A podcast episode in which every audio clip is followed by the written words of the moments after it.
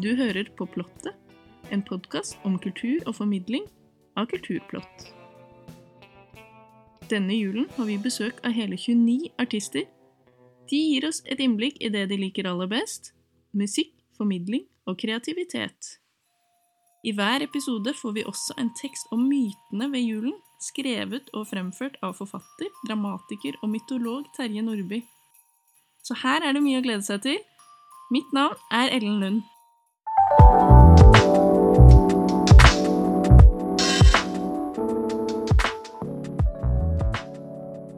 I dag har vi besøk av den prisvinnende jazztrompetisten Kristoffer Eikrem. Velkommen. Tusen takk. Du har nylig gitt ut ditt aller første soloalbum. Kan du fortelle litt om albumet? Eh, ja, jeg har jo gitt ut mye musikk tidligere, men alltid i samarbeid med, med andre folk. Enten som duo eller større band. Og så følte jeg på et tidspunkt at det var behov for å lage noe helt eget. Så det er et album som jeg har jobba med i eh, et par år, kanskje, i hjemmestudio. Så nå slapp jeg nå i eh, slutten av november. Nei, midten av november, mener jeg. Det beskrives bl.a. som lofi hiphop. Det er sikkert en del som ikke helt vet hva det betyr. Kan du forklare det begrepet? Ja, Uh, Lofi betyr jo, eller det er en forkortelse for low fidelity, som betyr egentlig bare lavere kvalitet. Så det, teknisk sett så er det ikke en sjanger, men det har på en måte utvikla seg til å bli det mer eller mindre, eller et samlebegrep. Um, um, så lofa hiphop er jo liksom en form for hiphop som uh, har jo på en måte sitt utspring fra afroamerikansk instrumental hiphop fra 90-tallet, med mye jazz-samples og litt sånne enkle boom-bap-trommer. da. Og så har det på en måte utvikla seg til, i takt med teknologien og for så vidt, til å bli et sånn ganske stort internettfenomen, som er veldig populært globalt. da. Så det er vel kanskje en kort oppsummering av det, det begrepet. Du har jo bakgrunn som jazzmusiker og har en bachelorgrad i utøvende jazz fra Norges musikkhøgskole. Du har jo beveget deg litt mer inn i den elektroniske verden når du lager musikk, men uh, er jazzen fortsatt med deg? Ja, hele tida. Så jeg føler jo at jazzen gjennomsyrer og egentlig alt de gjør musikalsk. Um, så ja, i um, Afternoon Assortment òg, så er det jo utrolig mye jazz i det.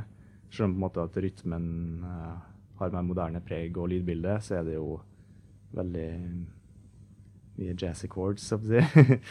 jazzakkorder og mye improvisasjon som er flettet inn. og Ja, jeg tenker at det, det går gjennom alt jeg gjør. Kan du si noe om hvordan du jobber med å lage musikk? Eh, hovedsakelig så har jeg sittet hjemme på stua og prøvd ut masse forskjellige ideer. Jeg har en del eh, forskjellige samplere og keyboard og litt sånn eh, diverse duppeditter som jeg liker å bytte på og bruke for å få litt ny inspirasjon. Og mye i uh, Ableton, da, som jeg bruker. Så er det ja, mye testing, test teste ut konsept. Kanskje høre en låt som jeg liker, og prøve å imitere den. Og gjøre den til mitt eget, og så videre. Ja. Er det mest improvisasjon, eller har du ofte en plan når du setter deg ned og skal lage musikk?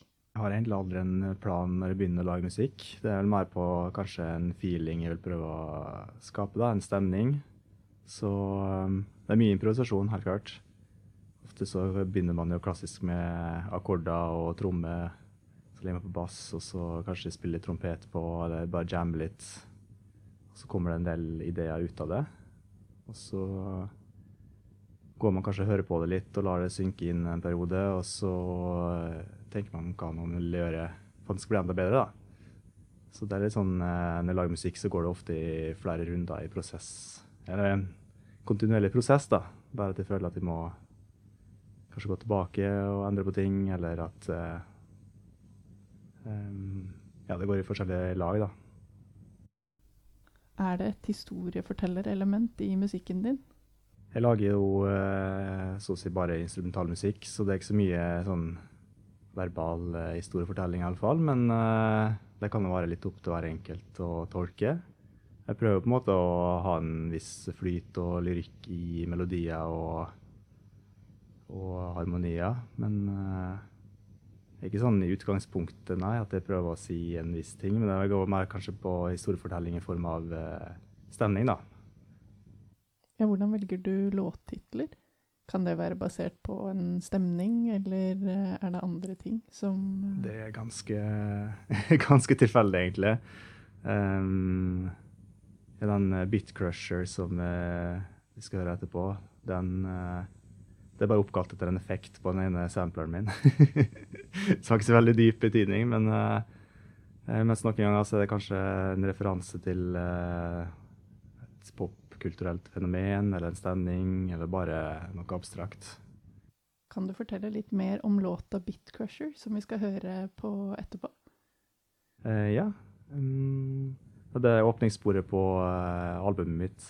Og um, jeg husker at jeg spilte inn ganske langt strekk på Roads, eller han, ja, L-piano, som jeg sampla inn i en uh, SP404-sampler. Så brukte jeg en eh, effekt som heter Bitcrusher, som uh, gjør at Den reduserer vel uh, bitsa, sample-raten, sånn at uh, lyden blir på en måte litt forvrengt. Digitalt forvrengt. Um, så uh, kutta jeg det opp i forskjellige deler og improviserte rundt for å finne en akkordrekke som jeg syntes var kul. Og da jeg fant den uh, progresjonen der, så la jeg på bass og eksperimenterte med tromme. Og så var det trompetimprovisasjon på toppen. Og en del Ja, Ja, bruker effekter og sånn. Bruker en del sånn eh, ekko-delay som jeg skrur på for å få litt sånne rare lyder som svever opp i atmosfæren her. Du har jo jobbet på ganske mange ulike prosjekter. Kan du fortelle om et av disse? Uh, ja. Uh, forrige albumet slapp, uh, var i samarbeid med en produsent fra Sør-Korea som heter Beautiful Disco. Og eh, da jobba vi egentlig på en ganske lik måte. At vi hadde en idé som vi bare sendte over på mail til hverandre. Og så si at jeg hadde en akkordrekke, sendte til han, og så gjorde han uh, sitt bidrag og sendte tilbake til meg. Og så gjorde jeg et nytt bidrag og sendte tilbake. Så vi gikk liksom i forskjellige runder da. Fram og tilbake. Og vi lagde jo masse musikk, sikkert 40-50 sånne korte snutter og valgte ut dem vi likte aller best. Og så fikk vi tak i en del gjestevokalister fra ja, her i Norge og noen rappere og vokalister fra Korea. Så det var veldig gøy å jobbe på tvers av kontinenter og bli kjent med folk uten å ha møtt dem. da. Så vi følte vi hadde en veldig god kjemi fra dag én. Så jeg er veldig stolt og fornøyd med det prosjektet. Og eh, ja, drømmen er at eh, skal kunne dra til Korea da, og spille litt konserter med han Beautiful Disco der. For, forhåpentligvis at han kan komme hit en gang òg. Akkurat nå så er det litt vanskelig med korona og alt det der, men én uh, dag.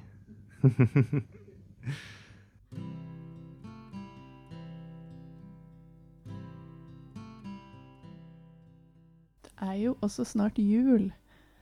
Og i den forbindelse lurer jeg på hva ditt forhold til jul er? Jo, jeg har jo for så vidt et uh, veldig godt forhold til jul. Det er jo en koselig tid, det, som regel.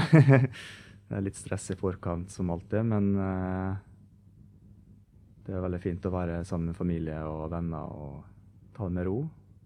Har du noe spesielt du alltid gjør i jula? Som regel så pleier jeg å være med familien min i Molde. Um, så har jeg en sønn som er tolv år. Som, uh, han bor i Molde med mor si. og um, vi pleier å bytte annethvert år og være med han på julaften, så i år så skal jeg, eh, skal jeg ha han på nyttårsaften, ikke julaften. Og da tenkte jeg heller at, heller at vi kunne feire sammen med kjæresten min i Oslo her, da. Så det ble en litt roligere jul i år for min del. Har du noen favorittjulelåt? Det er et vanskelig spørsmål. Nei, ingen nevnt, ingen glemt. Jeg vet ikke. jeg liker jo litt dem eh, dem fra American Songbook. Litt mer sånn Sinatra-viben, kanskje. Men jeg sånn, jeg er ikke så veldig på, mye på julemusikk, egentlig. For å være ærlig. Hva med film? Har du noen favoritt-julefilm?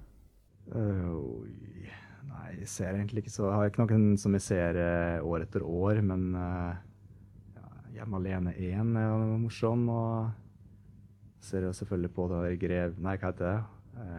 hovmesteren og grevinnen, eller hva heter det? Ja. grevinnen og hovmesteren. ja, grevinnen og hovmesteren. Riktig. Da takker jeg for at du kunne komme hit i dag. Det var veldig hyggelig. Tusen takk. Veldig hyggelig å være her.